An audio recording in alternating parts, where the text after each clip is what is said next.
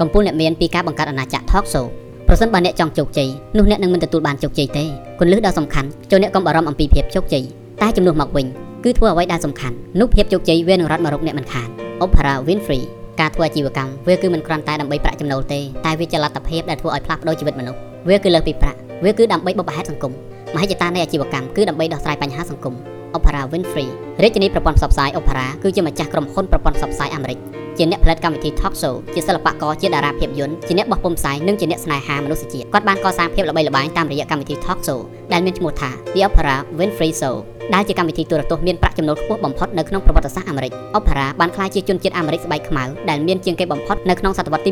20-21និងជាស្ត្រីស្បែកខ្មៅទី1ដែលមានប្រាក់រាប់ពាន់លានដុល្លារ ហើយនឹងបានចូលរួមសកម្មភាពមនុស្សធម៌ដ៏អស្ចារ្យបំផុតក្នុងប្រវត្តិសាស្ត្រអាមេរិកគាត់គឺជាស្ត្រីម្នាក់ក្នុងចំណោមស្ត្រីដ៏មានឥទ្ធិពលបំផុតក្នុងលោក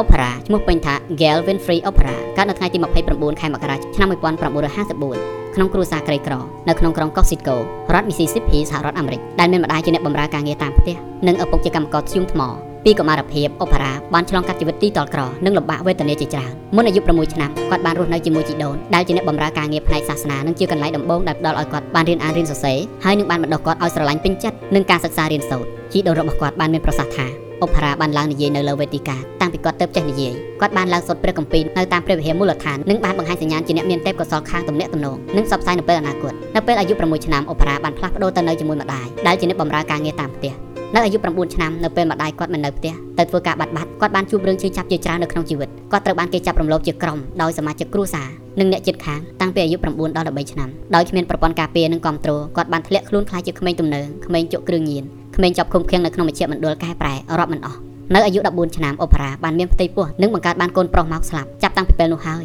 ដែលគាត់បានរំដោះខ្លួនពីជីវិតដ៏គួរឲ្យស្អប់ខ្ពើមទៅរស់នៅជាមួយឪពុកនៅទីក្រុង Nashville រដ្ឋ Tennessee ជាមួយនឹងច្បាប់តឹងរឹងឪពុកគាត់បានបង្កើតការគ្រប់គ្រងជីវិតកូនស្រីដែលគ្មានច្បាប់ទម្លាប់តាមរយៈការផ្ដោតអធិភាពសំខាន់លើការអប់រំឪពុកគាត់បានបង្ខំគាត់ឲ្យប្រគល់សៀវភៅតាមដានការសិក្សាជារៀងរាល់សប្តាហ៍ហើយកិច្ចខិតខំប្រឹងប្រែងនេះបានធ្វើឲ្យមានការផ្លាស់ប្ដូរអូផារ៉ាបានក្លាយជាសិស្សពូកែប្រចាំសាលានិងទទួលបានអាហារូបករណ៍ពីសាកលវិទ្យាល័យដ៏ល្បីឈ្មោះគឺ Tennessee State ដោយបានសិក្សាលើជំនាញសិល្បៈសម្ដែងនិងវោហារសាស្ត្រ Speech Communication and Performing Arts នៅទីនោះគឺមានស្ត្រីអាមេរិកស្បែកខ្មៅតិចតួចបំផុតដែលបានចូលរៀនដោយគាត់នៅអាយុ18ឆ្នាំអូប៉ារ៉ាបានឈ្នះការប្រឡងសម្ដែងកញ្ញាស្បែកខ្មៅប្រចាំរដ្ឋ Tennessee មុននឹងចូលសាកលវិទ្យាល័យអូប៉ារ៉ាបានចាប់ផ្ដើមអាជីពការងារលើប្រព័ន្ធផ្សព្វផ្សាយនៅក្នុងកម្មវិធីវិទ្យុ Talk Show ដែលមានន័យថានិយាយជជែកពិភាក្សាពីប្រធានបទផ្សេងៗប្រចាំវិទ្យាល័យរបស់គាត់នៅពេលចូលរៀននៅសាកលវិទ្យាល័យឆ្នាំទី1អូប៉ារ៉ាទទួលបានឱកាសការងារពិតប្រាកដនៅក្រុមហ៊ុនប្រព័ន្ធផ្សព្វផ្សាយក្នុងស្រុកគាត់បានក្លាយជាអ្នកផលិតព័ត៌មានវ័យក្មេងបំផុតនិងជាស្ត្រីស្បែកខ្មៅដំបូងបំផុតឲ្យទូរទស្សន៍ Nashville WTVF នៅឆ្នាំ1976អាយុ22ឆ្នាំអូប៉ារ៉ាបានផ្លាស់ប្ដូរទៅធ្វើការឲ្យទូរទស្សន៍ WJZ ជាសហផលិតករព័ត៌មានក្នុងស្រុកពេលល្ងាចដោយសារភាពល្បីល្បាញរបស់គាត់គឺបានធ្វើឲ្យគេជ្រើសរើសគាត់ជាសហអ្នកកាន់កម្មវិធី Talk Show ឲ្យទូរទស្សន៍ WJZ លើប្រធានបទ People Are Talking ដែលមានន័យថាមនុស្សកំពុងតែជជែកគ្នាស្នាមញញឹមដ៏ស្រស់ស្រាយនិងកក់ក្ដៅរបស់អូប៉ារ៉ាបានធ្វើឲ្យគាត់លេចធ្លោយ៉ាងឆាប់រហ័សទៅគ្រប់ស្រទាប់អ្នកទស្សនានៅឆ្នាំ1984គាត់បានបដូរមករស់នៅទីក្រុង Chicago រដ្ឋ Illinois និងបានបង្កើតកម្មវិធីទូរទស្សន៍អរុនសួស្ដី Chicago និងក្រោយមកបដូរឈ្មោះជា The Oprah Winfrey Show និងបានពង្រីកកម្មវិធីមួយថ្ងៃពេញជាមួយនឹងការធ្វើបទបង្ហាញដ៏មានឥទ្ធិពលនិងការសម្ដែងយ៉ាងរស់រេរាក់ទាក់លើកញ្ចក់ទូរទស្សន៍បានធ្វើឲ្យកម្មវិធី Talk Show របស់គាត់រីកចម្រើនគ្រប់លំដាប់ទូទាំងប្រទេសតែក្នុងរយៈពេល2ឆ្នាំកម្មវិធី Talk Show របស់គាត់បានក្លាយជាកម្មវិធី Talk Show ដែលរកចំណូលបានខ្ពស់ជាងគេបំផុតនៅក្នុងប្រវត្តិសាស្ត្រមហិច្ឆតាអូប៉ារ៉ាមិនបញ្ចប់ត្រឹមជោគជ័យកម្មវិធី The Oprah Winfrey Show ឡើយបន្ទាប់ពីជោគជ័យនៅឆ្នាំ1985 គាត់បានពង្រីកខ្លួនចូលទៅក្នុងឧស្សាហកម្មភាពយន្តនិងទូរទស្សន៍នៅឆ្នាំ1988គាត់បានក្លាយជាស្ត្រីដ៏ឆ្នើមទី3នៅក្នុងឧស្សាហកម្មសិល្បៈកម្សាន្តគាត់បានបង្កើត Studio Harpo Studio ខ្លួនឯងសម្រាប់ផលិតកម្មវិធីទូរទស្សន៍ភាពយន្តទស្សនាវដ្តីនិងប្រព័ន្ធផ្សព្វផ្សាយតាមអ៊ីនធឺណិតក្នុងចេតនាគ្រប់គ្រងក្រុមហ៊ុនឲ្យបានពេញលេញអូប៉ារ៉ាបានកាន់តំណែងជា CEO ដោយខ្លួនឯងនិងផ្ដល់ភាគហ៊ុនតែ5%សម្រាប់មេធាវីរបស់គាត់គឺលោក Jeff Jacob បន្ទាប់មកគាត់បានបង្កើនដល់10%ក្រោយពីគាត់បានជឿទុកចិត្តថា Jacob អាចក្លាយជាដៃគូដ៏ល្អហើយនឹងអាចគ្រប់គ្រងក្រុមហ៊ុនរបស់គាត់បាន អូផារ៉ាមានជំនឿថាគាត់ត្រូវការអ្នកគ្រប់គ្រងម្នាក់ដើម្បីឲ្យគាត់មានពេលវេលាផ្ដោតការយកចិត្តទុកដាក់ទៅលើគុណភាពនិងការផលិតកម្មវិធី Talk Show របស់គាត់អូផារ៉ាបានទិញស្ទូឌីយោផលិតភាពយន្តនៅ Chicago ទំហំជាង8ហិកតាបានចំណាយប្រាក់20លានដុល្លារ ដើម្បីធ្វើការកែលម្អសម្រាប់ការផលិតកម្មវិធី Talk Show និងគម្រោងកម្មវិធីផ្សេងៗទៀតនៅឆ្នាំ1995 Harpo Studio បានសហការជាមួយ ABC News របស់ Walt Disney ដើម្បីបង្កើតខ្សែភាពយន្តសម្រាប់កម្មវិធីទូរទស្សន៍ជាពិសេសសម្រាប់ក្រុមហ៊ុន Walt Disney នៅឆ្នាំ1998ក្រុមហ៊ុន Harpo និង ABC News បានរួមគ្នាបង្កើតគេហទំព័រ opera.com ក្នុងឆ្នាំនោះដែរក្រុម Harpo បានចាប់ដៃគូជាមួយនឹងក្រុមហ៊ុនផ្សេងៗទៀតដើម្បីបង្កើតបណ្ដាញផ្សព្វផ្សាយសម្រាប់ដោះស្រាយបញ្ហារបស់ស្ត្រីក្នុងនោះ Harpo ក៏បានបង្កើតទូរទស្សន៍ Omega Zin ហើយក្រោយពីចេញបាន7លេខទស្សនាវដ្តីនេះលក់បានជាង2លានក្បាលនិងបានបង្កើតឲ្យមានប្រាក់ចំណេញដ៏ច្រើនបំផុតនៅក្នុងប្រវត្តិសាស្ត្រអាមេរិក Opera នៅតែរក្សាក្រុមហ៊ុនផ្ទាល់ខ្លួនដោយមិនបានផ្លាស់ប្ដូរឲ្យទៅជាក្រុមហ៊ុនសាធារណៈឡើយគាត់យល់ថាការលក់ឈ្មោះរបស់គាត់ឬផ្នែកណាមួយនៃក្រុមហ៊ុនរបស់គាត់គឺដូចជាការលក់សាច់ឈាមរបស់គាត់ប្រសិនបើគាត់បាត់បង់ការគ្រប់គ្រងក្រុមហ៊ុនគឺគាត់នឹងបាត់បង់ខ្លួនឯងឬយ៉ាងហោចណាស់ក៏បាត់បង់លទ្ធភាពធ្វើជាខ្លួនឯងទោះបីក្រុមហ៊ុនរបស់គាត់មិនមែនជាក្រុមហ៊ុនសាធារណៈក៏ដោយតែប្រាក់ខែបុគ្គលិកគឺខ្ពស់ហើយគ្រប់បុគ្គលិកត្រូវចុះកិច្ចសន្យារក្សាអាចកំបាំងមួយជីវិតថា មិនសរសេរឬនិយាយពីរឿងផ្ទាល់ខ្លួនរបស់អុបហារ៉ាឬកិច្ចការអាជីវកម្មផ្សេងៗឡើយកិច្ចសន្យានេះគឺមានការមិនពេញចិត្តខ្លះដល់បុគ្គលិកតែគ្មានច្បាប់ណាមួយហាមឃាត់ឡើយរហូតដល់បច្ចុប្បន្នដើម្បីមានអភិបាលកិច្ចល្អសម្រាប់ក្រុមហ៊ុនគាត់បានជួលលោក Tim Bennett ដែលអតីតជាមេចាស់របស់គាត់មកធ្វើជានាយកប្រតិបត្តិសម្រាប់ដឹកនាំក្រុមហ៊ុនទាំងមូល លើសពីអាជីវកម្មអូប៉ារ៉ាគឺជាសកម្មជនសិទ្ធិកុមារនិងសកម្មជនមនុស្សធម៌នៅឆ្នាំ1993គាត់បានស្នើឲ្យសភានិងប្រធានាធិបតី Clinton អនុម័តច្បាប់ដើម្បីបង្កើនប្រព័ន្ធទិន្នន័យគ្រប់គ្រងក្មេងដែលត្រូវបានគេរំលោភបំពាននៅទូទាំងប្រទេសគាត់បានបង្កើតមូលនិធិគ្រួសារដើម្បីធ្វើឲ្យជីវិតកាន់តែប្រសើរក្នុងឆ្នាំ2005ទស្សនាវដ្តី Business Week បានចាត់ទុកគាត់ គឺជាស្ត្រីស្បែកខ្មៅដែលស្នេហាមនុស្សជាតិបំផុតនៅក្នុងប្រវត្តិសាស្ត្រអាមេរិកតាមរយៈបណ្ដាញ Opera Angel គាត់បានប្រមូលមូលនិធិបានជាង51លានដុល្លារសម្រាប់កម្មវិធីសប្បុរសធម៌ដែលរាប់បញ្ចូលទាំងការអប់រំក្មេងស្ត្រីនៅអាហ្វ្រិកខាងត្បូងនិងជំនួយសង្គ្រោះនៅ Hurricane Katrina នៅក្នុងឆ្នាំ2007ជាលើកដំបូងបំផុតអូបារ៉ាបានធ្វើយុទ្ធនាការគ្រប់គ្រងបេក្ខជនប្រធានាធិបតីបារ៉ាអូបាម៉ាដោយបានទាក់ទាញឲ្យមានការគ្រប់គ្រងពីមហាជនយ៉ាងច្រើនកកកបំផុត គាត់បានចូលរួមជាមួយនឹងអូបាម៉ាចុះទៅធ្វើយុទ្ធនាការនៅរដ្ឋផ្សេងផ្សេងដូចជារដ្ឋ Iowa រដ្ឋ New Hampshire និងរដ្ឋ South Carolina សារៈសំខាន់របស់គាត់គឺ Dr. Martin Luther King បានបង្កើតឲ្យមានក្តីសុបិនតែយើងមិនត្រូវមានតែក្តីសុបិននោះទៀតទេយើងត្រូវតែបោះឆ្នោតដើម្បីធ្វើឲ្យក្តីសុបិននោះក្លាយជាការពិតយើងត្រូវតែគ្រប់គ្រងបរិសម្នាក់ដែលមិនត្រឹមតែដឹងថាតើយើងជានរណានោះទេគឺថែមទាំងដឹងថាយើងអាចក្លាយជាអ្វីទៀតផងឆ្នាំ2017ក្រុមហ៊ុនរបស់ Opera មានបុគ្គលិកជាង10000នាក់និងមានអត្រាចាក់ចេញប្រចាំឆ្នាំទាបជាង10%ទៅ15%។ ហើយនឹងរកប្រាក់ចំណូលប្រចាំឆ្នាំបានជាង3000លានដុល្លារក្រុមហ៊ុនរបស់គាត់គឺជាក្រុមហ៊ុនប្រព័ន្ធផ្សព្វផ្សាយមួយដែលមានសមត្ថភាពប្រកួតប្រជែងជាមួយនឹងក្រុមហ៊ុនយក្សយក្សបាននិងមានឈ្មោះល្បីល្បាញជាអន្តរជាតិរហូតដល់ជាង140ប្រទេសនៅទូទាំងពិភពលោក Opera នៅតែរក្សាកិច្ចខិតខំប្រឹងប្រែងទៅមុខជាប់ជានិច្ចគាត់និយាយថាខ្ញុំទើបតែចាប់ផ្ដើមប៉ុណ្ណោះរាជធានីប្រព័ន្ធផ្សព្វផ្សាយ Opera ពេលនេះបានក្លាយជារាជធានីអាជីវកម្មដែលលេចធ្លោជាងគេបំផុតនៅក្នុងសតវត្សទី21គាត់គឺជាម្ចាស់ក្រុមហ៊ុនប្រព័ន្ធផ្សព្វផ្សាយអាមេរិកជាអ្នកបង្កើតកម្មវិធី Talk Show ជាអ្នកបង្កើតកម្មវិធី Opera Live Class ជាអ្នកបង្កើតកម្មវិធី Opera Winfrey Network ជាសិល្បករជាតារាភាពយន្តជាអ្នកបោះពុម្ពផ្សាយនិងជាអ្នកស្នេហាមនុស្សជាតិបំផុតគាត់បានកសាងភាពល្បីល្បាញតាមរយៈកម្មវិធី Talk Show ដែលមានឈ្មោះថា The Oprah Winfrey Show ដែលជាកម្មវិធីទូរទស្សន៍មានប្រាក់ចំណូលខ្ពស់បំផុតនៅក្នុងប្រវត្តិសាស្ត្រអាមេរិក Oprah បានក្លាយជាជនជាតិអាមេរិកស្បែកខ្មៅដែលមានជាងគេបំផុតនៅក្នុងសតវត្សទី2021និងជាស្ត្រីជាតិស្បែកខ្មៅទី1ដែលមានប្រាក់រាប់ពាន់លានដុល្លារនិងបានចូលរួមធ្វើសកម្មភាពមនុស្សធម៌ដ៏អស្ចារ្យបំផុតនៅក្នុងប្រវត្តិសាស្ត្រអាមេរិក គាត់គឺជាស្ត្រីម្នាក់ក្នុងចំណោមស្ត្រីដ៏មានឥទ្ធិពលបំផុតក្នុងលោកនិងជាស្ត្រីដែលមានឥទ្ធិពលជាងគេនៅក្នុងចំណោមស្ត្រីជនជាតិស្បែកខ្មៅដូចគ្នាគាត់ក៏ជាស្ត្រីនិមិត្តរូបនៅការជឿទឹកចិត្តខ្ពស់បំផុតរបស់ពិភពលោកហើយនៅក្នុងឆ្នាំ2013អូប៉ារ៉ាបានទទួលមេដាយសេរីភាពពីប្រធានាធិបតីអូបាម៉ាដែលជាមេដាយផ្ដោតតម្លៃនៅអ្វីដែលគាត់បានចូលរួមជួយដល់មនុស្សជាតិគាត់បានទទួលពានរង្វាន់អូស្ការពានរង្វាន់មនុស្សធម៌និងបានទទួលបណ្ឌិតកិត្តិយសជាច្រើនជាពិសេសពីសាកលវិទ្យាល័យ Duke និង Harvard ភាពជាអ្នកដឹកនាំសំខាន់ៗរបស់អូប៉ារ៉ា Winfrey ទី1បង្កើតគោលដៅឲ្យខ្ពស់អូប៉ារ៉ានិយាយថា អ្វីដែលខ្ញុំបានដឹងច្បាស់នោះគឺប្រសិនបើអ្នកចង់ជោគជ័យនោះអ្នកនឹងមិនទទួលបានជោគជ័យទេគន្លឹះដ៏សំខាន់ចូលអ្នកកុំបារម្ភអំពីភាពជោគជ័យតែចំនួនមកវិញគឺធ្វើអ្វីដែលសំខាន់នោះភាពជោគជ័យនឹងរត់មករកអ្នកមិនខានគាត់បានបន្ថែមថាអ្នកនឹងខ្លាចជាអ្វីដែលអ្នកជឿអ្នកជាអ្វីថ្ងៃនេះគឺជាអ្វីដែលអ្នកបានជឿពីមុនមកគឺជាអ្វីដែលអ្នកបានជឿពីមុនមកជំនឿដែលឥតងាករេគឺជាអ្វីដែលបាននាំឲ្យគាត់ផ្ដោតនិងប្រើប្រាស់អស់នៅកម្លាំងធម៌ពលក្នុងជីវិតដើម្បីសម្រេចនូវគោលដៅរបស់គាត់ការផ្ដោតលើអាជីពការងារជាអ្នកផ្សព្វផ្សាយគាត់បានបោះបង់ចោលនៅការងារផ្សេងៗទាំងអស់ រហូតដល់តែសម្រេចគោលដៅដែលគាត់ប៉ងប្រាថ្នានៅពេលដែលគាត់បានជោគជ័យលើកម្មវិធី Talk Show គាត់នៅតែបន្តពង្រីកនៅអ្វីៗផ្សេងផ្សេងដែលតាក់ទងក្នុងចង្កោមនៃប្រព័ន្ធផ្សព្វផ្សាយដោយការផ្ដោតលើគោលដៅតែមួយនេះហើយវាបានអនុញ្ញាតឲ្យគាត់ប្រើអស់ធម៌ពលនិងពេលវេលាដែលមានដើម្បីសម្រេចបាននៅរាល់អ្វីដែលជាសុបិនក្នុងជីវិតរបស់គាត់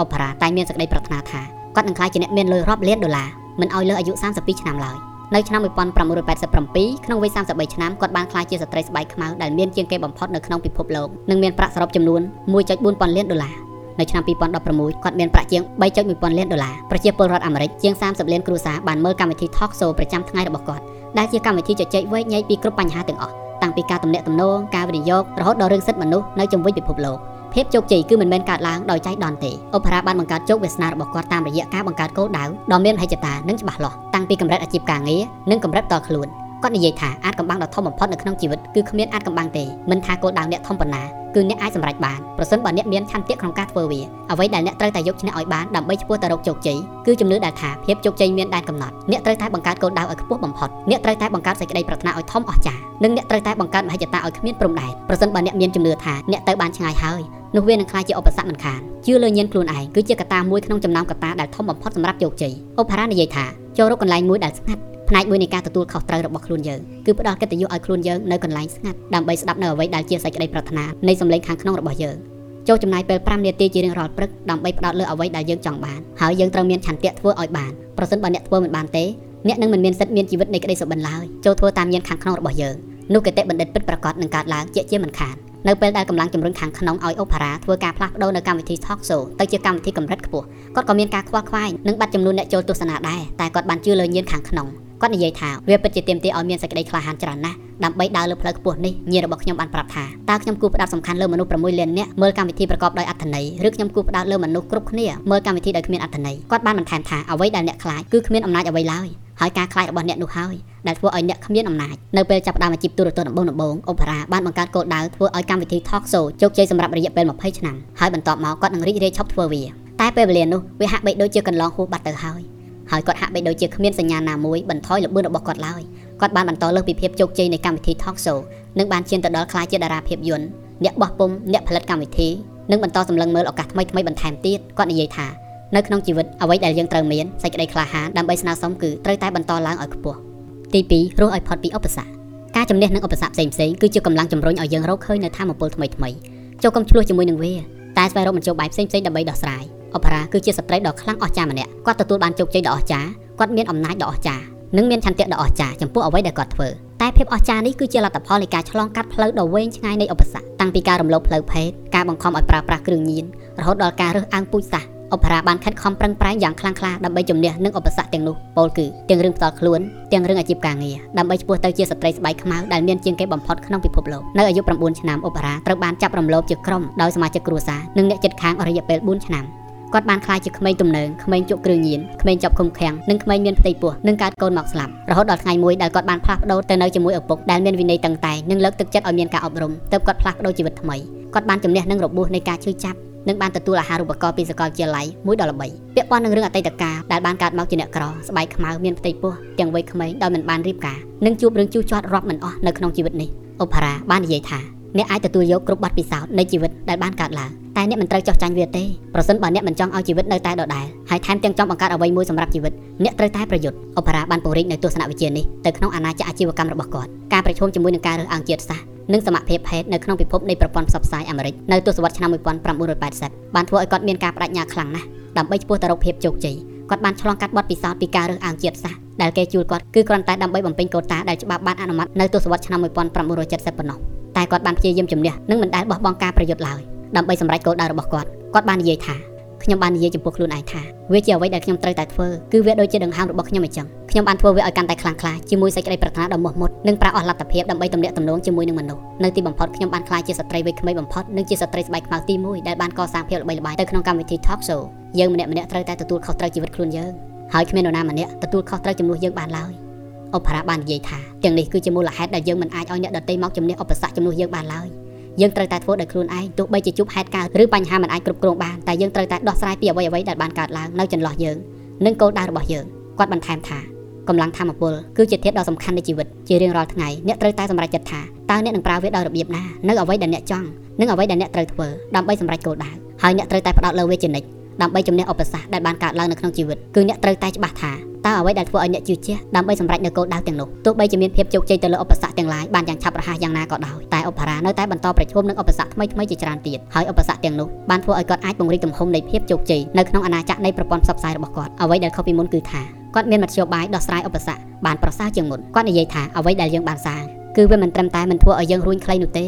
វាក៏ថែមទាំងធ្វើឲ្យយើងរីកលូតលាស់វែងជាងមុនទៀតផងសិទ្ធដើម្បីធ្វើការជ្រើសរើសផ្លូវដើររបស់យើង គឺជាបបិសិទ្ធដ៏ពិសិដ្ឋមួយដែលយើងត្រូវតែជ្រើសរើសវានិងប្រើប្រាស់វាទី3ទាញប្រយោជន៍ពីបច្ចេកវិទ្យាថ្មីថ្មីអបរាបាននិយាយថាខ្ញុំមិនខ្វល់ថាគោលដៅវាធំប៉ុណ្ណាពីព្រោះខ្ញុំបានត្រៀមខ្លួនធំជាងអ្វីដែលខ្ញុំបានរំពឹងទៅទៀតអ្វីដែលខ្ញុំបានផ្ដោតជាប់ជានិច្ចគឺធ្វើខ្លួនឲ្យកាន់តែប្រសើរខ្ញុំតែងតែសួរខ្លួនឯងថាតើខ្ញុំគួរតែបង្កើតប្រព័ន្ធផ្សព្វផ្សាយចម្រុះជាវីដេអូឬតើខ្ញុំគួរធ្វើសិក្ខាសាលាតាមអ៊ីនធឺណិតឬតើខ្ញុំអាចធ្វើអ្វីបាននៅអ្វីដែលខ្ញុំបាននឹងកំពុងធ្វើដើម្បីធ្វើវាឲ្យខ្លាចជាកម្លាំងដ៏ខ្លាំងក្លាបំផុតអ្វីដែលជាចម្លើយគឺទាញយកប្រយោជន៍ពីបច្ចេកវិទ្យា និងប្រព័ន្ធផ្សព្វផ្សាយថ្មីថ្មីដែលជាកន្លឹះពិសេសប្លែកពីគេសម្រាប់ពង្រីកភាពជោគជ័យដ៏ធំធេងស្ទូឌីយោ Harpo របស់ Opera បានធ្វើឲ្យរីកចម្រើនជោគជ័យពីការផលិតកម្មវិធីមួយមុខទៅជាបណ្ដុំនៃប្រព័ន្ធផ្សព្វផ្សាយរាប់ពាន់លានដុល្លារនិងបានពង្រីកទៅជាប្រព័ន្ធផ្សព្វផ្សាយចម្រុះផ្សេងៗគ្នាជាច្រើននៅឆ្នាំ2005ទស្សនាវដ្តី Forbes បានចាត់ទុក Opera ថាជាស្ត្រីដ៏ល្បីល្បាញនិងមានឥទ្ធិពលបំផុតក្នុងពិភពលោកក្នុងចំណោមកត្តាដែលធ្វើឲ្យគាត់ល្បីល្បាញនោះគឺការប្រើប្រាស់ប្រព័ន្ធអ៊ីនធឺណិតសម្រាប់ផ្សព្វផ្សាយកម្មវិធីរបស់គាត់គេហទំព័រ opera.com ដែលបានបង្កើតឡើងនៅឆ្នាំ1998គឺមានភាពល្បីល្បាញ និងពេញនិយមឡើងខ្ពស់ជាលំដាប់ការបញ្ចូលមេតិកានៃកម្មវិធីរបស់គាត់បានធ្វើឲ្យអន្តរជាតិទំនាក់ទំនងជាមួយអ្នកទស្សនាបានយ៉ាងទូលំទូលាយក្នុងឆ្នាំ2005គេហទំព័ររបស់គាត់មានអ្នកទស្សនាកើនឡើងរហូតដល់ជាង112លានអ្នកអ្នកចូលមើល opera.com មានការកើនឡើងជាប្រចាំខែគឺមិនតិចជាង5លានអ្នកឡើយនិងមានការកើនឡើងជាង155%បើប្រៀបធៀបនឹងឆ្នាំមុនការកើនឡើងនៃចំនួនដ៏ច្រើននេះបានទាក់ទាញឲ្យក្រុមហ៊ុនធំធំរាប់រយមកធ្វើការផ្សព្វផ្សាយពាណិជ្ជកម្មតាម opera.com ដែលបានធ្វើឲ្យគេហទំព័រនេះក្លាយជាគេហទំព័រកំសាន្តសប្បាយដែលមានចំណូលចំណាត់ថ្នាក់ខ្ពស់ជាងគេនៅអាមេរិក ក្នុងឆ្នាំ2005ក្លឹបសៀវភៅ Opera ដែលល្បីល្បាញតាមរយៈកម្មវិធីទូរទស្សន៍និងបានជំរុញកំណើននៃការលក់សៀវភៅរាប់លានដុល្លារនោះក៏បានផ្សព្វផ្សាយតាមរយៈអ៊ីនធឺណិតដែរកម្រងនេះគឺជាផ្នែកមួយនៃទឹកចិត្តស្រឡាញ់ការសិក្សារៀនសូត្ររបស់គាត់និងជំរុញលើកទឹកចិត្តឲ្យយុវជនជំនាន់ក្រោយធ្វើការអានសៀវភៅយុទ្ធសាស្ត្រអ៊ីនធឺណិតដែលមានពហុគោលបំណងនេះបានធ្វើឲ្យ Opera ទាញយកអនុភាពនៃប្រព័ន្ធផ្សព្វផ្សាយចម្រុះដើម្បីបំពេញនូវមហិច្ឆតាមួយក្នុងចំណោមមហិច្ឆតាជាច្រើនរបស់គាត់គឺជាការបង្រៀន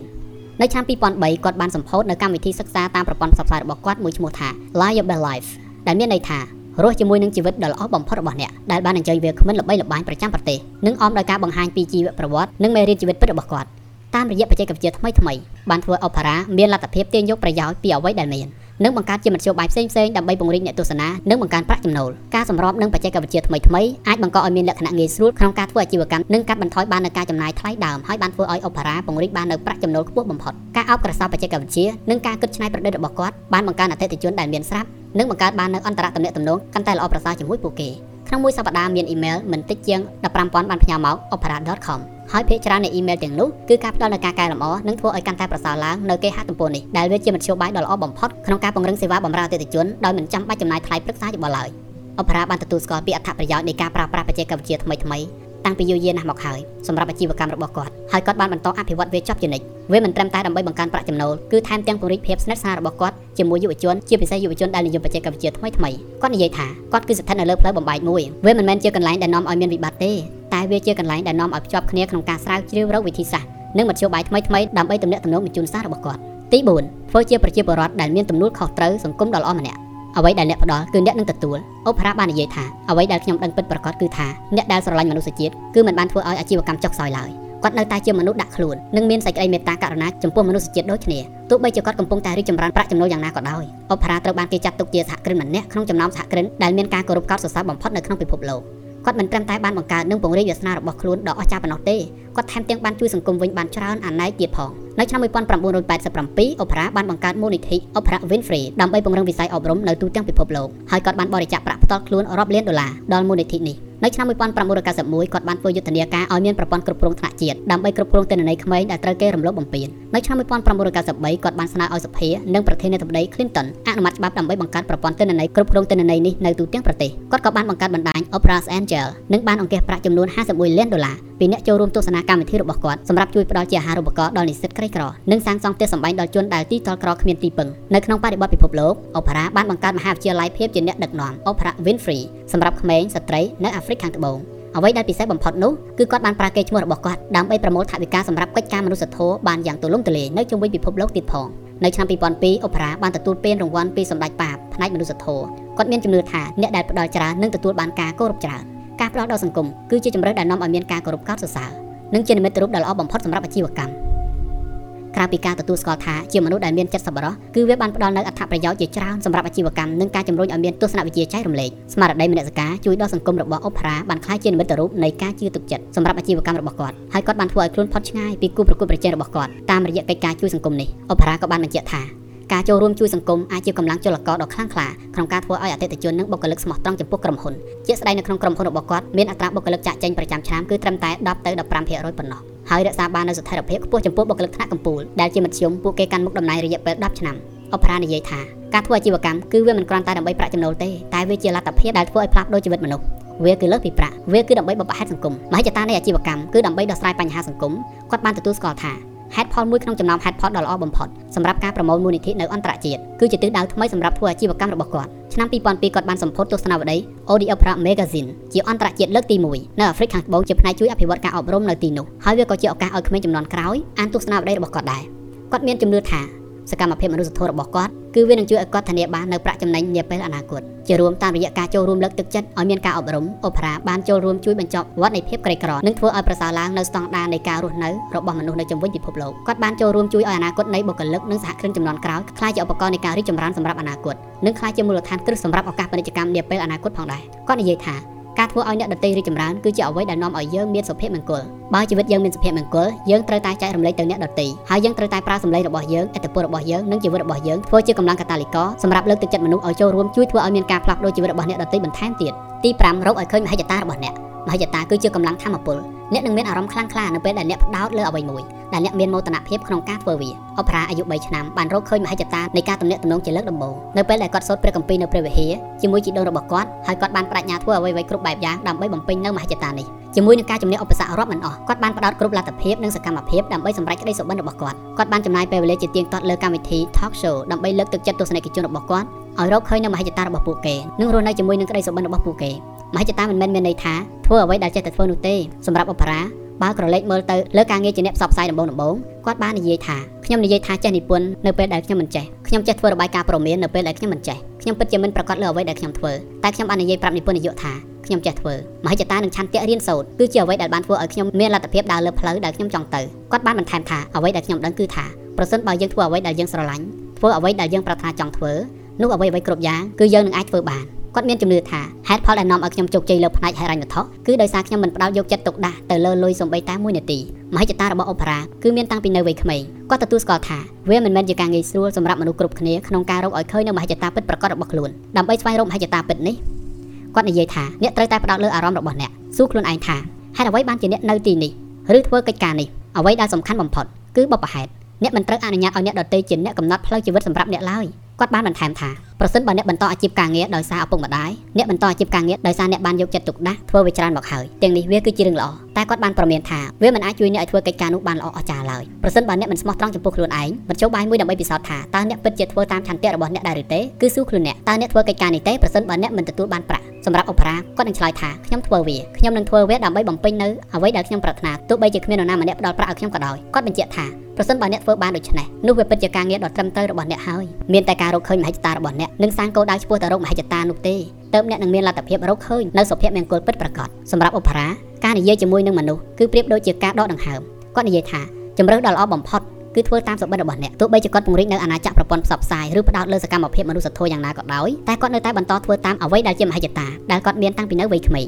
ដោយសារតែមហិច្ឆតានេះបានធ្វើឲ្យក្មេងស្រីដ៏ក្រីក្រកំសត់ម្នាក់បានផ្លាស់ប្ដូរខ្លួនឲ្យក្លាយជាស្ត្រីអាមេរិកស្បែកខ្មៅទី1ដែលមានជាងគេបំផុតនៅក្នុងពិភពលោកនិងជាស្ត្រីអ្នកដឹកនាំម្នាក់ក្នុងចំណោមស្ត្រីអ្នកដឹកនាំកម្ពុជាកម្ពុជាដ៏មានឥទ្ធិពលបំផុតរបស់ពិភពលោកអូប៉ារ៉ាមិនត្រឹមតែមានរហស្សនាមជារាជិនីនៃប្រព័ន្ធផ្សព្វផ្សាយនោះទេតែគាត់ថែមទាំងជាស្ត្រីកម្ពុជាអ្នកចំនួនដែលគួរឲ្យកត់សម្គាល់បំផុតអូប៉ារ៉ាមិនត្រឹមតែជាកម្ពុជាតារាដែលពូកែនិយាយនៅក្នុងកម្មវិធីទូរទស្សន៍ប៉ុណ្ណោះទេគាត់ក៏ថែមទាំងជាកម្ពុជាតារាដែលពូកែសម្ដែងនៅភាពយន្តទៀតផងអូប៉ារ៉ាមិនត្រឹមតែជាអ្នកនិពន្ធសៀវភៅដែលបានសរសេរជំរុញលើកទឹកចិត្តមនុស្សប៉ុណ្ណោះទេគាត់ក៏ថែមទាំងជាអ្នកនិពន្ធនិងអ្នកដឹកនាំភាពយន្តដែលជំរុញឲ្យមានការផ្លាស់ប្ដូរពិភពលោកផងដែរអូប៉ារ៉ាមិនត្រឹមតែជាស្ត្រីម្នាក់ដែលបានជួយក្មេងស្រីស្បែកខ្មៅនៅអាមេរិកប៉ុណ្ណោះទេគាត់ក៏ថែមទាំងជាស្ត្រីនៃក្តីសុបិននិងជាស្ត្រីក្តីសង្ឃឹមរបស់ពិភពលោកទៀតផងជារួមពិភពលោកនេះគឺពិតជាមានសំណាងដែលមានអូប៉ារ៉ាអូប៉ារ៉ាតែងតែនិយាយថា ចូលគិតឲ្យដូចស្ដេចស្រីស្ដេចស្រីគឺមិនដែលភ័យខ្លាចនឹងការបរាជ័យទេហើយការបរាជ័យគឺគ្រាន់តែជាជំហានមួយដើម្បីឆ្ពោះទៅរកភាពអស្ចារ្យប៉ុណ្ណោះប្រសិនបើអ្នកវេតម្លៃចំពោះអ្វីដែលអ្នកធ្វើនោះពិភពលោកនឹងវេតម្លៃទៀតចំពោះអ្នកដែរចូលអ្នកស្វែងរកមហិច្ឆតារបស់អ្នកឲ្យឃើញពីព្រោះវត្តមានអ្នកនៅលើភពផែនដីនេះគឺដើម្បីរកវាឲ្យឃើញនិងរស់នៅជាមួយនឹងវាចូលអ្នកខិតខំប្រឹងប្រែងធ្វើការចូលអ្នកហ៊ានជំនះឧបសគ្គចូលអ្នកហ៊ានពលិកម្មចូលអ្នករស់នៅប៉ាត់ជំវិញទៅដោយមនុស្សពូកែពូកែដើម្បីសម្រេចនៅមហិច្ឆតារបស់អ្នកចូលអ្នកឲ្យប្រសើរភាពពិសេសអស្ចារ្យរបស់អ្នកពីព្រោះអ្នកកើតមកមានអ្វីដែលខុសប្លែកពីគេ និងមានអ្វីដែលពិសេសជាងគេដែលទាមទារឲ្យអ្នកធ្វើជាម្ចាស់វាដើម្បីចែករំលែកនៅអ្វីដែលអ្នកមានទៅកាន់ពិភពលោកចូលអ្នករស់ដើម្បីជួយមនុស្សចូលអ្នកបង្កើតអាជីវកម្មដើម្បីជួយដោះស្រាយបញ្ហាសង្គមនិងចូលអ្នកប្រាជ្ញជីវិតរបស់អ្នកដើម្បីបម្រើពិភពលោកទាំងមូលនោះអ្នកនឹងពិតជារកឃើញនៅជីវិតមួយដ៏អស្ចារ្យជីវិតមួយដ៏មានន័យសម្រាប់អ្នកវិញជាជាមិនខានឡើយជីវប្រវត្តិនិងភាពជាអ្នកដឹកនាំសំខាន់ៗរបស់ Oprah Winfrey ចប់តែប៉ុណ្ណេះសូម